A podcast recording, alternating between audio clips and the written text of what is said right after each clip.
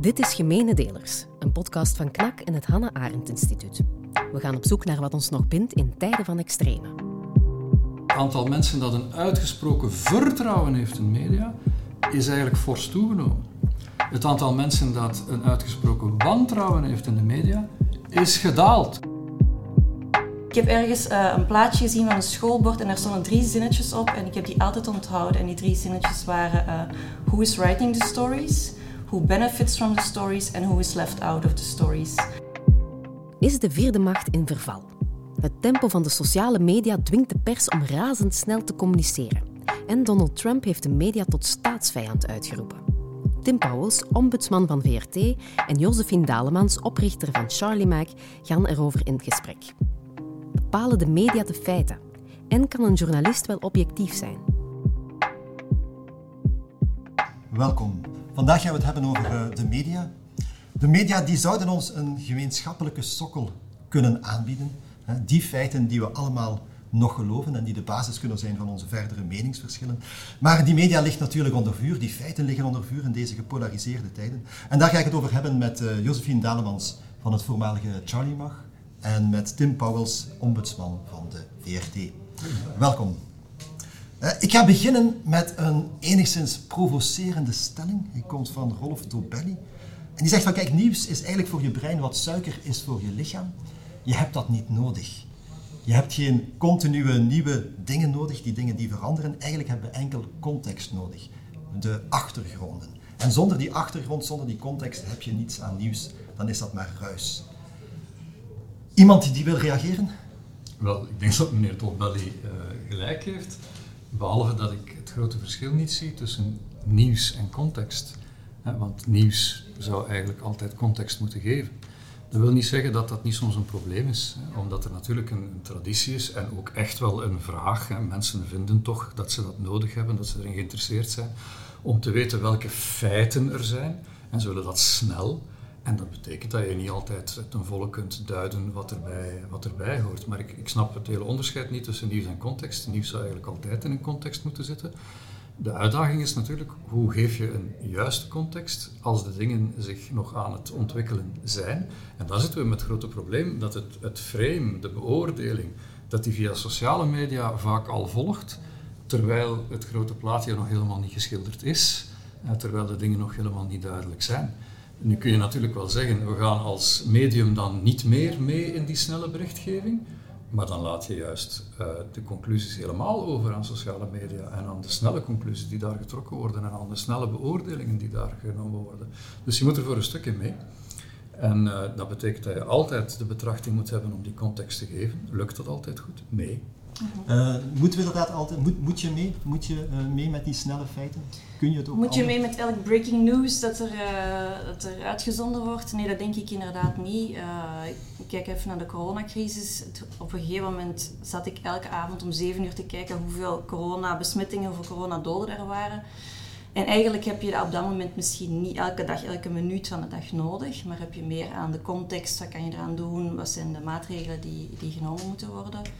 Maar het is ook wel zo dat, eh, dat die, die, die suikerrush, zoals uh, hij het omschrijft, dat dat een wezenlijk onderdeel is van het uh, winstmodel van de, van de media vandaag. En dan heb ik het niet over de openbare omroep, maar dan heb ik het over commerciële uh, nieuwsites, kranten, online sites die de aandacht van de mensen moeten trekken met clickbait-titels of met sappige stukjes of met uit de context getrokken citaten. Want zij moeten eyeballs uh, genereren voor de advertenties die op hun site staan. En dat is volgens mij een ontzettend schadelijke vorm van aan journalistiek te doen. Um, waardoor dat je mensen inderdaad niet meer verzadigt. En ook nog eens opzadelt met een wereldbeeld dat niet op waarheid gestoeld is. Ben je het daarmee eens? Ja, de VRT ontsnapt daar natuurlijk een beetje aan. Hè. Die zei, hoeven niet... Uh... ook, uh, ook de VRT wil graag kliks. Hè. Ook de VRT wil graag eyeballs, zoals je dat tegenwoordig uh, moet noemen. Um, dus nee, dat kan een gevaar zijn, uiteraard. En bovendien zit je inderdaad met een medium dat nog wel de pretentie heeft om dus die nieuwstroom te hebben. Een journaal is een dagboek. Ja, dus dat zegt eigenlijk, wat is er vandaag gebeurd? En het is vaak moeilijk om te zeggen, maar wat betekent dat nu? Aan de andere kant, als je naar de evolutie kijkt, dan zie je dat er eigenlijk vandaag veel meer duiding in een journaal zit dan 10, 20 jaar geleden.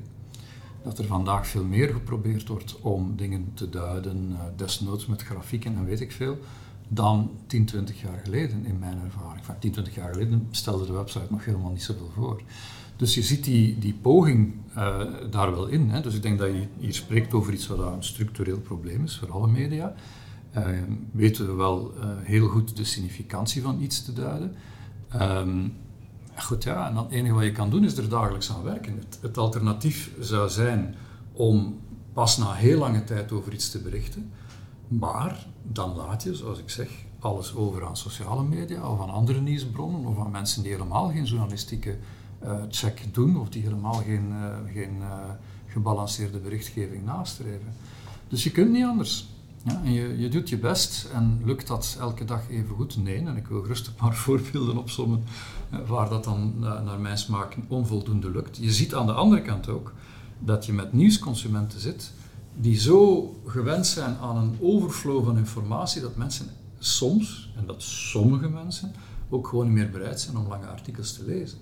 En dat er wordt geoordeeld op sociale media op basis van de titel van het artikel en niet op basis van wat erin staat, merk ik ook vrij goed aan, aan de klachten die dan binnenkomen. En ja, die titel die moet eerlijk zijn, die moet, die moet, uh, die moet juist zijn, die, die moet niet te veel willen het drama onderlijnen, daar pleit ik zeker voor. Maar ik zal niet beweren dat de VRT daar nu volstrekt onschuldig aan is of nooit eens een, een faux pas maakt daarin. Eindredacteurs willen ook graag veel kliks natuurlijk. En uiteraard zet een titel aan tot te lezen. Dus ik denk dat het een fundamenteel probleem is, maar ik heb er ook geen oplossing voor. Wat ik wel denk, is dat het in Vlaanderen, in algemene termen, nog best wel meevalt op dat vlak. In termen van um, doen we aanstemmingmakerij, gaan we te snel schrijven, te snel oordelen over dingen. Ik denk dat dat in Vlaamse media meevalt als je dat vergelijkt met bijvoorbeeld de Britse tabloids, maar ook met andere media in andere landen. Dus ik, uh, ik zou toch willen uh, er ook voor waarschuwen dat we de mediasituatie in Vlaanderen niet te snel in allerlei clichés en karikaturen begraven. De problemen die je noemt zijn reëel, maar ik denk dat ze in Vlaanderen meevallen in vergelijking met andere landen. En uh, media vergeten dat soms wel eens. Uh, dat het niet alleen gaat over het spannende nieuwe feit, maar dat mensen vooral ook uitleg nodig hebben. En, en ik zeg het heel graag met het domme, klassieke woord uitleg. En niet met duiding of context of weet ik veel wat. Het gaat er niet eens over om een grote evaluatie te maken of een, of een grote maatschappelijke analyse. Het gaat erover uitleggen wat het is, hoe het in elkaar zit. En um, ja, dat krijg je soms in een studiogesprek, dat is absoluut waar. Niet altijd voor elkaar. En het is wel belangrijk dat die uitleg dan wel degelijk minstens op de website staat. Um, en lukt dat altijd goed? Nee, dat lukt niet altijd goed. Dat is waar, omdat media heel erg gefocust zijn op het feitje van de dag. Dat zorgt er trouwens ook voor dat lange termijn tendensen soms te weinig besproken worden. Ooit waren we daar heel eerlijk in. Het decor van de VRT heeft ooit nog een verwrongen spiegel op de achtergrond gehad. Als symbool van het feit dat elke nieuwsverslaggeving en elke journalistiek eigenlijk een verwrongen spiegel is van de werkelijkheid niemand begreep wat dat ding daar stond te doen. dat had jullie misschien ook maar, moeten uh, uitleggen. uitleggen maar het, uh, het, zat, uh, het zat wel degelijk in het decor en dat is zo. Aan de andere kant mogen we er ook niet in vervallen, want ik vrees dat we in tijden leven waarin alle nadelen van journalistiek terecht besproken worden. Maar waarbij mensen dan om een duur denken dat, aangezien journalistiek nadelen heeft, beperkingen heeft, ja, dan zal de rest wel waar zijn. Sorry, maar het alternatief voor journalistiek heeft die problemen nog veel meer. Is nog veel meer partijdig, is nog veel ja, meer onvolledig. informeert op basis van Twitter, voilà. zal je niet dus, dadelijk een ja, neutraal, ik, consistent, Ik ben daar soms bezorgd over, omdat ik uiteraard in mijn functie er voorstander van ben dat je transparant bent en dat je, dat je toegeeft dat je kwetsbaar bent en, en onvolmaakt, uiteraard, en ik wil het er allemaal over hebben. Maar er is geen alternatief voor journalistiek. En de alternatieven die er zijn, zijn nog veel erger en leiden aan dezelfde problemen, maar nog veel erger. Dus je kunt maar proberen om zo goed mogelijke journalistiek te leveren en dan zitten we met een probleem, allemaal, in die zin dat de budgetten en de redacties dat die enorm onder druk staan. Dat uh, heel het medialandschap moeite heeft om zich gefinancierd te krijgen. Um, dat er met dat medialandschap ook winst moet gemaakt worden bij veel spelers. Ik heb daar geen kritiek op, dat is de essentie van commerciële spelers. Maar ja, in een advertentiemarkt die een beetje leeg bloedt, doordat er allerlei nieuwe fenomenen zijn, van, van Facebook tot Netflix, uh, zet, dat de zet dat de zaken wel onder druk. En in die context moet je zeggen, dan moet je eigenlijk nog heel blij zijn met wat er in Vlaanderen gebeurt. Uh, maar ik ben soms wel ongerust. Ik ben soms wel ongerust. Ten eerste omdat er soms te veel goed genoeg journalistiek is. Aan de ene kant. En aan de andere kant omdat er een groep van mensen is, een zekere stemmingmakerij is tegen media, maar eigenlijk tegen de samenleving en het maatschappelijk debat in het algemeen, waarbij men eigenlijk het recht op eist om zijn eigen werkelijkheid te hebben en uh, niet meer in dialoog te moeten gaan. Hè. Eigenlijk het recht op eist om maar geen voor, argumenten voor meer te moeten eh, uitwisselen. Voor, voor, we naar de, de, de, de, de vertrouwenscrisis gaan, hè, waarbij mensen inderdaad zeggen van kijk, ik heb recht op mijn eigen nieuws, zul ik nog eerst even hebben over het, het financiële. Want ja, uh, Josephine, ja, je hebt daar last van gehad, hè? Ja. kunnen we wel zeggen. Ja. Je hebt geprobeerd om een, een, een nieuw tijdschrift op te richten en dat is om financiële, budgettaire redenen niet gelukt. Kun je daar iets meer over vertellen wat er misgegaan is, of hoe het kwam? Dat ja, niet, uh... Uh, dus ja, ik heb Charlie Magazine opgericht eigenlijk vanuit een, een opwelling of een persoonlijke frustratie dat ik mijzelf of, of mensen die zoals mij waren niet gerepresenteerd zag in, uh, in de media, zeker als je dan kijkt naar... En wat bedoel je dan met mensen die zoals mij waren? Ja, als je kijkt naar dingen die gemarket worden naar vrouwen of eh, vrouwenmagazines, uh, vond ik die vaak heel uh, hard op lifestyle en oppervlakkige dingen geënt. En als ik keek naar de klassieke media, dan vond ik die heel mannelijk. Mannelijke hoofdredacteur, mannelijke columnisten, mannelijke interviewees. Dus ik vond tussen die twee mijn gading niet. En ik begon steeds meer online te lezen toen ook. En de traditionele media bleven toen nog vrij uh, veel op papier publiceren. Dus ik ben in dat gat uh, gesprongen. Um, daar zat ook geen businessplan achter toen. Dat was eerder zoiets aan als, als niemand anders het probeert, want ik had het geprobeerd bij een bestaande uitgeverij, daar was geen uh, interesse voor. Als niemand het probeert, dan doe ik het op mezelf. En is Charlie eigenlijk organisch uh, groot geworden. En dan hebben we stelselmatig geprobeerd om dat businessgegeven uit te bouwen met een crowdfunding. We hebben een aantal projectsubsidies gekregen uh, met een uh, abonnementenmodel, ook met een beperkt aantal advertenties. Um, en na vijf jaar um, ja, moesten wij toch ja, toegeven dat uh, het één niet lukte om op zelfstandige basis verder te doen en twee er geen mogelijkheid was tot samenwerking met een van de grote mediahuizen. Want we zijn ze allemaal afgegaan, ook hier bij VRT. En ondanks dat onze thema's en redactrices uh, heel populair waren, bij alle media vaak werden gevraagd, wilde niemand met ons structureel samenwerken.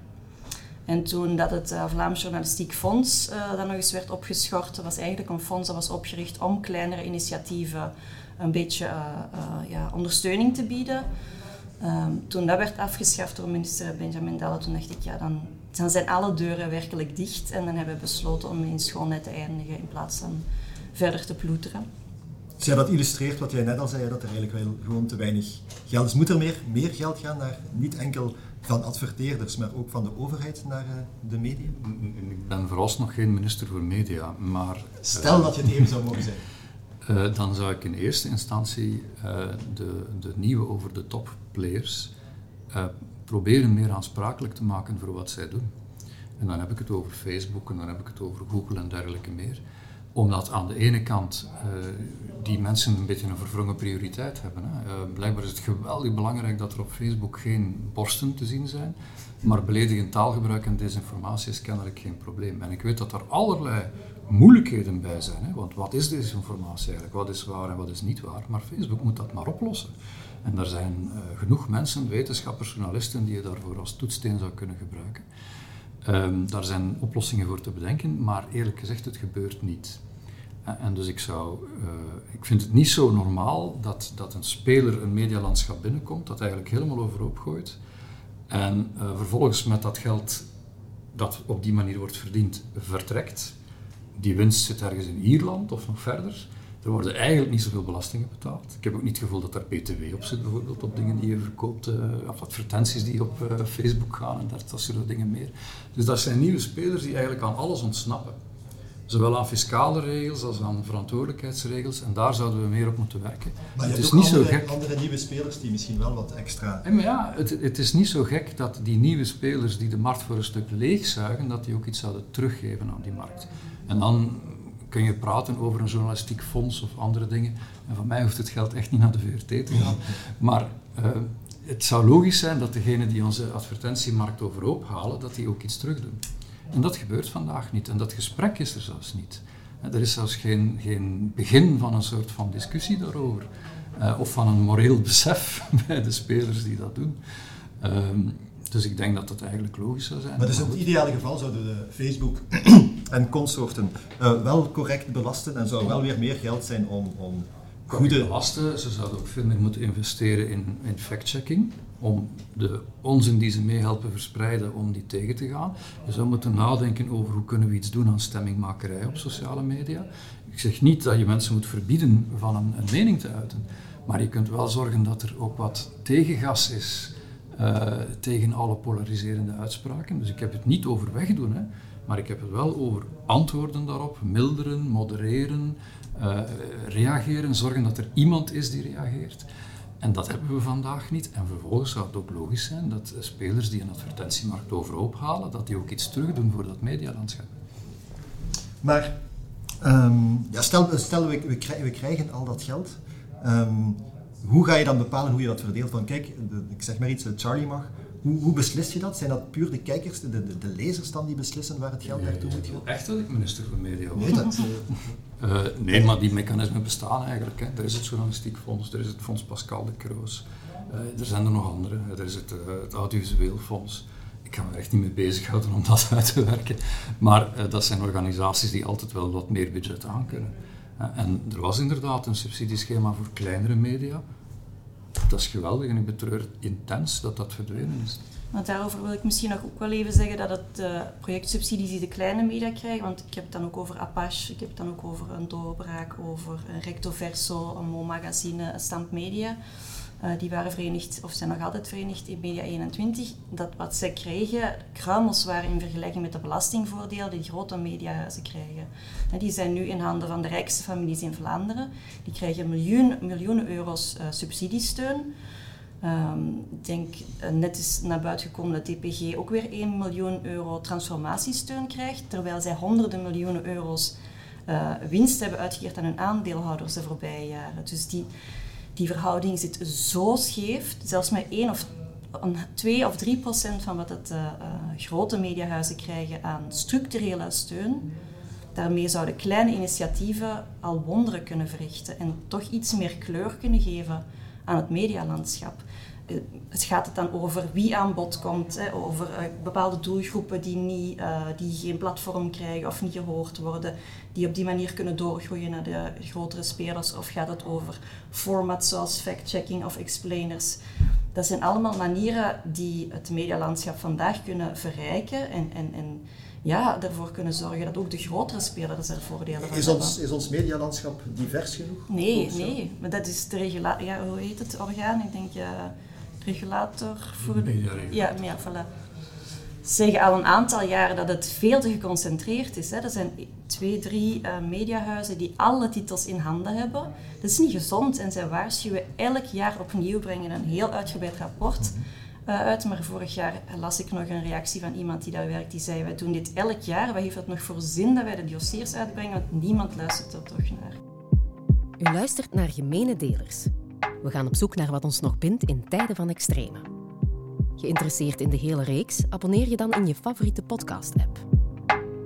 Een ander thema, en, en misschien het hangt een beetje samen met die diversiteit. Uh, jij zei het ook net alles, ja, de media wordt niet meer vertrouwd. Hè? Mensen geloven het niet meer. Oh, oh, oh, oh.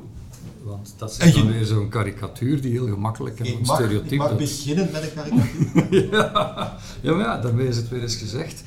Uh, dat is om te beginnen niet waar. Hè. Dus uh, er is onderzoek van het Reuters Instituut naar het vertrouwen in de Vlaamse media en die halen heel hoge scores. En ja, sorry, VRT is dan het meest vertrouwde medium. Dat zit boven de 75 procent. Ons eigen onderzoek suggereert zelfs tot 80 procent. Het gaat niet over het exacte aantal, maar dat zijn in vergelijking met andere landen zeer hoge scores. Dus de, de mensen vertrouwen de media niet meer. Sorry, maar dat klopt niet. Uh, we hebben in Vlaanderen, en ik heb daar een column over geschreven, uh, trouwens een, een, heel leuk onderzoek uh, van de Vlaamse regionale indicatoren, die meer dan 25 jaar, ze zijn er helaas mee gestopt, maar die meer dan 25 jaar aan de mensen gevraagd hebben, vertrouwt u de Vlaamse pers? Ik vind dat voor alle duidelijkheid een heel rare vraag. omdat die veel te algemeen is. ik, ik weet niet of ik de Vlaamse pers vertrouw, maar goed, ze is 25 jaar gesteld en het, het leuke eraan is dat 25 jaar dezelfde vraag was. Wat zie je? In de jaren 90 was het vertrouwen in de pers veel lager dan vandaag. Er zijn veel meer mensen die niet goed weten, maar het aantal mensen dat een uitgesproken vertrouwen heeft in media is eigenlijk fors toegenomen. Het aantal mensen dat een uitgesproken wantrouwen heeft in de media is gedaald. Ik ga dat nog een keer zeggen. Het aantal mensen dat een uitgesproken wantrouwen heeft tegenover de media is gedaald. Het aantal mensen dat een uitgesproken wantrouwen heeft tegenover de media is gedaald als je dat 25 jaar bekijkt. Hoe komt dat? Heel eenvoudig. Een steeds groter deel van je bevolking is hoger opgeleid. En hoger opgeleide mensen hebben meer vertrouwen in media. Wil dat zeggen dat er geen probleem is? Wel, als je die 25 jaar bekijkt, dan zie je eigenlijk vrij goed dat hoe meer gepolariseerd een samenleving is, hoe minder vertrouwen er is in media. en dus zeker in 2016 zie je opnieuw een knik naar beneden. Dus als je dat bekijkt op vijf jaar, ja, dan is het vertrouwen gedaald. En met name vanaf 2015, 16. Waarom? Vluchtelingencrisis, aanslagen in Zaventem en Brussel, onder mom onder de vlag van de islam. Dat zijn heel polariserende thema's. En op dat moment krijg je dus ook een heel fel maatschappelijk debat, zeker ook op die sociale media. En dat heeft gevolg voor het vertrouwen in de media. Op drie, vier jaar tijd. Maar bekijk je dat op lange termijn, dan gaat het eigenlijk helemaal niet zo slecht. Dus ik word wel een beetje gefrustreerd van het gemak waarmee dan gezegd wordt: de mensen vertrouwen de media niet meer. Wat wel is, denk ik, is dat je een groep van mensen hebt die misschien twintig jaar geleden ook geen vertrouwen had in de media, maar die vandaag daar veel radicaler in zijn, omdat die sociale media toestaan dat dat ook veel openlijker wordt gezegd en dat er een soort van campagne gevoerd kan worden tegen de journalistiek. Maar het blijft een beperkte groep. We moeten dat niet overdrijven. Mhm. Maar toch, als je naar de, de buurlanden kijkt, ehm, naar Amerika, het is niet echt een buurland, uh, ook naar het Verenigd Koninkrijk, daar zie je dat dat, dat daar wel het geval is. En dat je daar, je, als je mij zegt op, uh, naar, wel, naar wat je kijkt, weet ik op wie je stemt. Ja, en ik denk, het is misschien nu, uh, er is misschien een positieve tendens, maar als we iets moeten doen, is leren uit wat er is misgelopen in de VS de voorbije vier jaar en de uh, technieken of de tactieken herkennen in ons land. Dus het uh, voortdurend herhalen van de boodschap, de media is corrupt, de media is niet objectief, rechts wordt, um, rechtse stemmen worden onderdrukt in de media, rechtse stemmen komen niet aan bod in de media. En dat soort boodschappen wordt dan verkondigd in columns in de media, in talkshows in de media, in interviews in de media. Dus heel dat idee op, opblazen tot je moet de media, de mainstream media, de lugepressen niet vertrouwen, dat is iets waar we heel, heel, heel waakzaam over moeten zijn, denk ik. En misschien is het nu hier nog niet zo erg als in de VS, maar we hebben gezien hoe snel het kan gaan. Dus ik zou niet zomaar zeggen van oké, uh, we zijn hier safe en hier overkomt het ons niet. Want er is al een televisiekanaal van Schild en Vrienden. Hè. Er is al een, televisiekanaal van Vlaams Belang. Die bereiken massas mensen, omdat die heel veel advertentie, Facebook-advertentiegeld daarin stoppen. We moeten daar nu waakzaam voor zijn, voor leren te laat is en er, ja, er echte schade gebeurt. Nou, begrijp me niet verkeerd, ik ben, ik ben heel, eigenlijk vrij pessimistisch. Ja, dus ik, ik, ik heb niet graag dat mensen zeggen, niemand vertrouwt de media nog, want dat is niet waar. Maar ik ben wel pessimistisch. Waarom? Omdat stemmingmakerij en populisme, dat werkt. En ik ken eigenlijk geen voorbeelden van landen of, of tijdsgevrichten waarin het niet zou gewerkt hebben. En uh, ik weet niet wat ik eraan moet doen. En je kunt als media proberen om wat meer verantwoording af te leggen. Ik denk daar, ben daar zeker voorstander van. Ik vind ook dat journalisten in hun stijl een beetje van de preekstoel moeten komen. De houding moet niet zijn, wij vertellen u wat de waarheid is, maar wel, wij zoeken samen met u de waarheid. En we hebben daar een aantal methodes voor, die misschien wel interessant zijn. En we leggen die methode ook uit. Want je kunt niet meer aan de layout zien of iets een gedegen medium is of niet. De websites zien er allemaal hetzelfde uit. Eh, maar je kunt wel die methode meer en vaker gaan uitleggen. En journalisten aarzelen daar soms te vaak voor, omdat ze denken dat interesseert niemand. Misschien is dat voor een stuk waar. Hè? Je wil gewoon de informatie. Maar toch moeten we het vaker doen, omdat je precies met die methode het onderscheid maakt met andere niet-journalistieke bronnen. Je, je hoort dan veel mensen zeggen dat de, de, de VRT uh, of de media in het algemeen niet meer neutraal zijn. Uh, moeten ze neutraal en objectief zijn? Is dat een, is dat een haalbare kaart? Uh, Daarop is een zeer eenvoudig antwoord: nee. dus de VRT, voor alle duidelijkheid, moet niet neutraal of objectief zijn. Dat staat ook helemaal niet in het mediadecreet. Dat staat in geen enkele beheersovereenkomst. Dat staat niet in het redactiestatuut van de VRT. Het woord is onpartijdig. En dat is iets heel anders dan neutraal of objectief. Eh, ik heb daar ook columns over, er staat een basistekst daarover op mijn, uh, op mijn pagina. Ehm, maar wat is het verschil? De objectieve waarheid is dat uh, de Turkse president Erdogan zijn referendum over extra bevoegdheden voor zijn functie als staatshoofd, dat hij dat referendum heeft gewonnen. Dat is de objectieve waarheid. In alle neutraliteit kun je alleen maar zeggen dat dat zo is. Hij heeft dat referendum gewonnen. Maar een goede journalist zal daarbij zeggen dat het referendum heeft plaatsgevonden in een zeer opgeklopte sfeer na een poging tot staatsgreep, in een repressief landschap waar een record aantal journalisten in de gevangenis zat, met duizenden burgers die hun burgerrechten hadden verloren omdat ze zogezegd banden hadden met Gulen, dat dan zogezegd betrokken zou zijn bij de staatsgreep, en dat je dus eigenlijk geen normaal maatschappelijk debat hebt gehad. Dan moet je daarbij zeggen. Als je dat er niet bij zegt, ben je een slechte journalist. Alleen is dat neutraal. Ja, president Erdogan zal vinden van niet. Dat is denk ik best wel te verdedigen vanuit de onpartijdigheid, omdat je dat ook voor een ander land en voor een andere president zou zeggen. Dus ben je onpartijdig. Maar die kritische duiding daarbij, die moet je wel geven. Is dat neutraal? Nee, dat is niet neutraal, want je zegt iets negatiefs. Alleen zeg je dat terecht en in alle onpartijdigheid. Is dat objectief? Ja, objectief betekent iets waar we allemaal over eens moeten zijn, omdat het zo feitelijk is. Ja, dat is niet feitelijk. Want dat is een stuk appreciatie. Het was geen normaal maatschappelijk debat. Dat is een stukje appreciatie. Maar dat soort duiding en context moet je wel geven of je bent journalistiek slecht bezig. Dat is natuurlijk ook het spanningsveld. Hoe ver kun je daarin gaan? Wanneer ben je niet meer onpartijdig?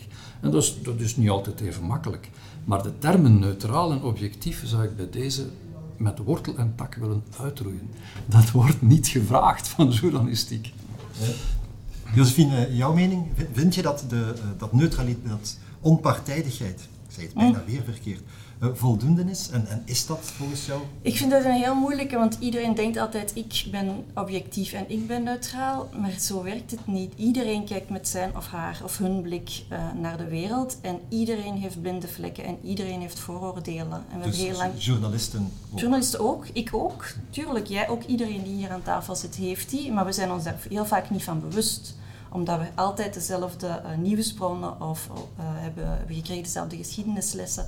Kijk bijvoorbeeld naar wat er in Congo is gebeurd. Ik heb op een Jesuitencollege gezeten, dat was een hele elitaire school. Ik heb amper iets geleerd over, over wat er is gebeurd in Congo. Het is pas nu, uh, de laatste jaren, dat ik steeds meer vrienden heb met Congolese roots die mij daarover vertellen.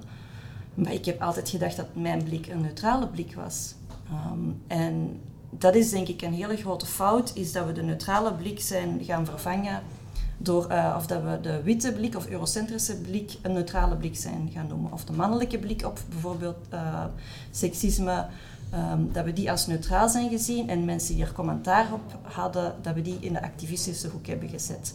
Maar die mensen die vanuit hun ervaring spreken, die niet de mannelijke of de witte ervaring is, die hebben ook hun waarheid en die is even waardevol dan die witte mannelijke ervaring. Nu, die evolutie is ook echt wel bezig. Ja. Ehm, ik zie toch steeds meer kleur op die, uh, op die redactie. Um, maar ik ben er toch ook, uh, ik ben toch ook een beetje voorzichtig met het meegaan in allerlei symboolpolitiek. Omdat de onverdraagzaamheid zit in dit land echt niet helemaal alleen aan de rechterkant. Ze zit best ook wel aan de linkerkant. Je bent niet ineens een racist omdat je ooit het woord blank hebt gebruikt. Of je bent niet ineens een, neocolonialist omdat je ooit Zwarte Piet hebt gevierd. Die onverdraagzaamheid aan de linkerkant bestaat net zo goed. En redacties moeten ook daarop passen om er niet te snel in mee te gaan. In mijn mailbox zitten veel meer blanke mannen die gefrustreerd zijn en die zich helemaal niet vertegenwoordigd voelen in het maatschappelijke debat. Uh, dan dat er uh, bijvoorbeeld uh, mensen met een migratieachtergrond in mijn mailbox zitten. Dat heeft misschien ook met mijn mailbox te maken en met het feit dat mailen geen uh, 21ste eeuws uh, fenomeen is.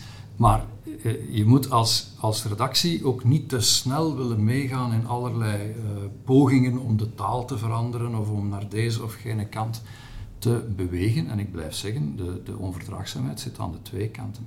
Dus je moet proberen om inderdaad, en dat is onze rol ook als VRT, om zoveel mogelijk een gemeenschappelijke sokkel over te houden.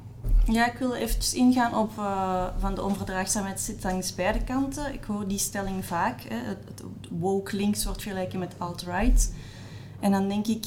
Laatst uh, nog over Michael van Peel. Hè. Ja, ik snap ergens wat hij bedoelt, maar alt-right heeft uh, het congresgebouw bestormd. Het was wel niet het Vlaamse alt-right. Nee, nee, maar en woke links zijn hoogstens een handvol irritante studenten die heel vocaal zijn. Maar ik zou daar toch even een klein beetje nuancering willen brengen. Dat gevaar van woke links wordt zo hard opgeklopt en als iets gevaarlijker omschreven dat onze cultuur afpakt. En ik denk dat we daar toch wel moeten oppassen dat we daar niet uh, iets van maken dat het totaal niet is. En dan wil ik ook nog even ingaan op die uh, discussies over taalgebruik.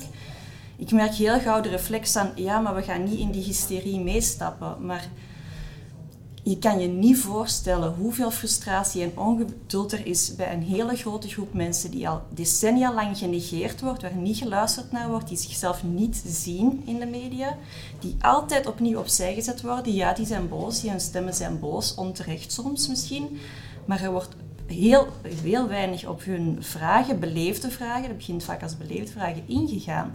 En er is meer kleur nu, op alle zenders, op VRT ook. Maar hoe komt dat? Omdat er mensen jarenlang voor gestreden hebben en toen als hysterische activisten zijn weggezet. En om dan nu te zeggen, ja, het komt wel allemaal goed en, en rustig en we gaan niet hysterisch worden, daar heb ik eigenlijk heel veel problemen mee. Uh, wat ik kan zeggen, is dat beiden zichzelf een soort vijandbeeld aanpraten. Hè? Aan de linkerkant heeft men de indruk, of creëert men de indruk, dat de wereld wordt bestuurd door blanke mannen. Ja, dat is ook maar zo. aan de andere Excuseer, kant, dat is ook zo. Dat zit, is ook aan zo. de andere kant zit mijn mailbox vol met blanke mannen die absoluut niet het gevoel hebben dat ze de wereld regeren. Nee, maar dan moeten we naar de feiten ja, ja. kijken. U zegt net, we moeten naar de feiten kijken. Ja, De wel. feit is dat de wereld geregeerd wordt door blanke mannen. Maar de, Ja, maar misschien niet door de blanke mannen die in zijn mailbox Dus dat is het punt. Het is niet omdat Koen Geens bestaat dat Lucien in mijn mailbox het gevoel heeft dat er naar hem geluisterd wordt. Het is ook veel te gemakkelijk om dat allemaal op, op, op huidskleuren vast te pinnen. Er is een hele grote groep van mensen die zich helemaal niet vertegenwoordigd voelt in het, maatschappelijke debat. En die bijvoorbeeld bij Donald Trump kunnen terechtkomen. En die helemaal niet het gevoel hebben dat zij. eh, of die, je spreekt over frustratie die ik absoluut kan begrijpen. Ik, ik begrijp absoluut dat mensen al jaren zeggen: van kunnen we die standbeelden van Leopold II nu echt laten staan? En je kunt ook echt wel op feiten wijzen dat die meneer een zekere verantwoordelijkheid heeft in Congo. Dus absoluut, ik begrijp die frustratie daarover. Maar je mag ook niet onderschatten hoeveel frustratie het creëert dat mensen nu ineens horen van je bent een racist, want je hebt ooit Zwarte Piet gevierd. Of je hebt het woord blank gebruikt, je bent een racist. maar dat, zijn doet- geen dat mainstream heel- meningen die heel dat worden gepropageerd. Oh ja, oh ja, dat komt zo over. Wees Het maar komt zo over, maar Ja, dat is ja, misschien- Ja, wees maar gerust dat mensen Kijk, heel erg dat gevoel hebben. de grens tussen perceptie en feiten. Ja? hè. Ja, maar nee, hier kun je alleen, dit is geen journalistiek wat we nu doen, ik kan alleen maar zeggen wat ik als reacties krijg. Hè. En dan zeg ik, er zit aan beide kanten een zekere onverdraagzaamheid. Ik ga daar geen punten aan geven, ik ga geen weegschalen bovenhalen, maar het zit aan beide kanten van het maatschappelijke debat. En je roeping als journalist kan alleen maar zijn om te proberen een zo groot mogelijke gemeenschappelijke sokkel over te houden. Dat betekent ook dat je daar niet zo markant in kunt kiezen. Dat is eigenlijk alles. Ja, en laten we proberen te eindigen met een, een, optimistische noot. Ehm, wat is er volgens jullie nodig om die gemeenschappelijke sokkel, waar we het al een paar keer over gehad hebben, nog beter te beschermen? Om te zorgen dat die breder wordt en sterker wordt, in plaats van erodeert, zoals nu soms het geval lijkt te zijn? Ik ga met eh Josephine beginnen. Ehm, ik denk twee dingen. Het eerste hebben we al eh, uitvoerig beschreven. Dus voldoende middelen, zodat eh, journalisten hun werk degelijk kunnen doen, aan fact-checking kunnen doen, aan explainers kunnen doen, dat er genoeg context en nuance eh, ehm, ja, kan zijn in verschillende mediakanalen. Maar ik denk ook dat die media dat wij nu hebben, ook in Vlaanderen, dat die diverser moet. En ik heb ergens eh, een plaatje gezien van een schoolbord en daar stonden drie zinnetjes op en ik heb die altijd onthouden. En die drie zinnetjes waren eh, Who is writing the stories? Who benefits from the stories? En who is left out of the stories? En als je die drie vragen stelt, als het nu gaat over geschiedenis, lessen, journalistiek of de films die we zien, eh, de comedy die we luisteren, dan kom je heel vaak terug op het feit dat heel veel witte mannen de verhalen maken, heel veel witte mannen daar ook hun voordeel uithalen en dat er een heel grote groep die verhalen niet aan het vertellen is. En die groep, wat ik zelf heb meegemaakt, die is zich aan het afscheiden ook. In hun eigen mediakanalen, gaan hun eigen Instagram-pagina's oprichten, hun eigen YouTube-kanalen, hun eigen podcasts maken. En zo krijg je groepen die geen dezelfde taal meer spreken, die elkaar niet meer ontmoeten, omdat iedereen in zijn eigen bubbel zit. Dus ik zou zeggen, er zit zoveel talent bij die nieuwe Vlamingen, of hoe we ze ook mogen noemen. Er zit heel veel welwillendheid, maar geef die een oprechte kans. Rol de rode loper voor hen uit, zodat je die al jarenlang hebt uitgerold voor witte mensen en voor witte mannen. Dat is mijn, mijn visie. Ja, ik, ga u verbazen door te zeggen dat ik het er eigenlijk mee eens ben, behalve dat ik de retoriek niet apprecieer. Hè. Witte mannen, daar heb je jarenlang de rode loper voor uitgerold. 25 jaar geleden heb ik bij de VRT gesolliciteerd. De boodschap was zeer duidelijk. Dit is een selectieproef voor vrouwen. Mannen zijn eigenlijk niet welkom in deze selectieproef. Ah, u zit in de wervingsreserve. Ja, kan ik iets doen om, om jullie te overtuigen? Ja, we zoeken eigenlijk vrouwen. Dat werd me zo gezegd. 25 jaar geleden al, hè, werd mij dat zo gezegd. U bent een man. Ja, dat willen we eigenlijk niet. Echt hè? Dat werd mij zo vlak afgezegd. Ik ben in dit bedrijf niet kunnen beginnen. Ik ben bij de commerciële zenders begonnen. En als ik vroeg, ja waarom? Dan was het antwoord, u bent een man. Ja, maar dit is natuurlijk een anekdote. Hè? Het is een anekdote. Ja, ja, maar daarom, daarom juist ben ik er niet zo gelukkig mee dat dat altijd weer wordt neergekookt op blanke mannen. Er is zeker wel een risico dat er een soort van consensus in de samenleving is die onvoldoende in vraag wordt gesteld. Ik zeker zo dat, dat kleinere media wat mij betreft welkom zijn. Ik heb er denk ik voor gepleit, daarom zeg ik ook dat ik het fundamenteel eigenlijk eens ben. Maar waarom altijd de retoriek blanke mannen? Er zijn heel veel blanke mannen die geen verhalen schrijven. Maar ik benoem toch gewoon de feiten? Nee, nee, nee. nee, nee. Er zijn heel veel blanke mannen die geen journalist zijn. Nee, maar de meeste mensen die in de media werken zijn blanke mannen, ja, zeker op topfuncties. Dat is op deze redactie niet zo. Deze redactie heeft een meerderheid vrouwen. De, Ook de hoofdredactie heeft een meerderheid vrouwen. niet te breed, want er zijn heel veel mannen die daar invallen, maar toch zeker niet aan de knoppen zitten. Ja. En bovendien zijn, nog eens, de feiten zijn, deze redactie heeft een meerderheid vrouwen, ook in de hoofdredactie. Oké, we gingen positief eindigen. maar ik ging eigenlijk ook aan jou dezelfde vraag stellen als ik toen juist aan Josephine gevraagd heb. Wat hebben we nodig om een, die gemeenschappelijke sokkel nog steviger... Ik, ik ben er heel erg voor dat er, dat er nog meer andere media zouden komen. Echt waar omdat ik ook mij zorgen maak over de, uh, de concentratie. En de plek waar je dat het meeste ziet nu al is de regionale berichtgeving. Je kunt je dat niet voorstellen, maar, maar er wordt op lokaal niveau worden er persconferenties gehouden voor één journalist. Daar kun je toch niet tevreden mee zijn. Omdat ja, als één van de twee grote kranten niet komt, ja, dan is de persconferentie voor één journalist. Punt. En dan, dan loopt Radio 2 daar misschien gelukkig nog eens bij, of een regionale zender. Maar het is, de soep is heel dun aan het worden. Dus ik ben er zeker voorstander van. Wat we niet mogen doen, is dat die kleine media dan allemaal media zijn die gaan vertrekken vanuit een bepaald frame. Die zeggen wij zijn rechts of wij zijn links. Dat is eigenlijk ja, niet altijd een verrijking, denk ik dan. Uh, pas op, media mogen een bepaalde visie hebben van mij. Uh, dat is natuurlijk niet iets voor de VRT, maar het mag, ik ga er zeker niet tegen zijn. Maar het belangrijkste is dat de feiten wel eerst komen en dat je onpartijdige verslaggeving in de zin, want je mag altijd een commentaar schrijven dat kritisch is, maar in de zin dat je, dat je niet bij voorbaat hebt gewild dat iets waar zou zijn en dat je alle dingen probeert, alle relevante dingen probeert mee te nemen, dat je dat wel blijft doen. Want anders is het geen journalistiek meer. Er is misschien een grens tussen mening en feiten, maar er is ook een grens tussen journalistiek en propaganda. Dus we moeten goed blijven kijken dat die kleine initiatieven, dat die aan de kant van de journalistiek blijven staan.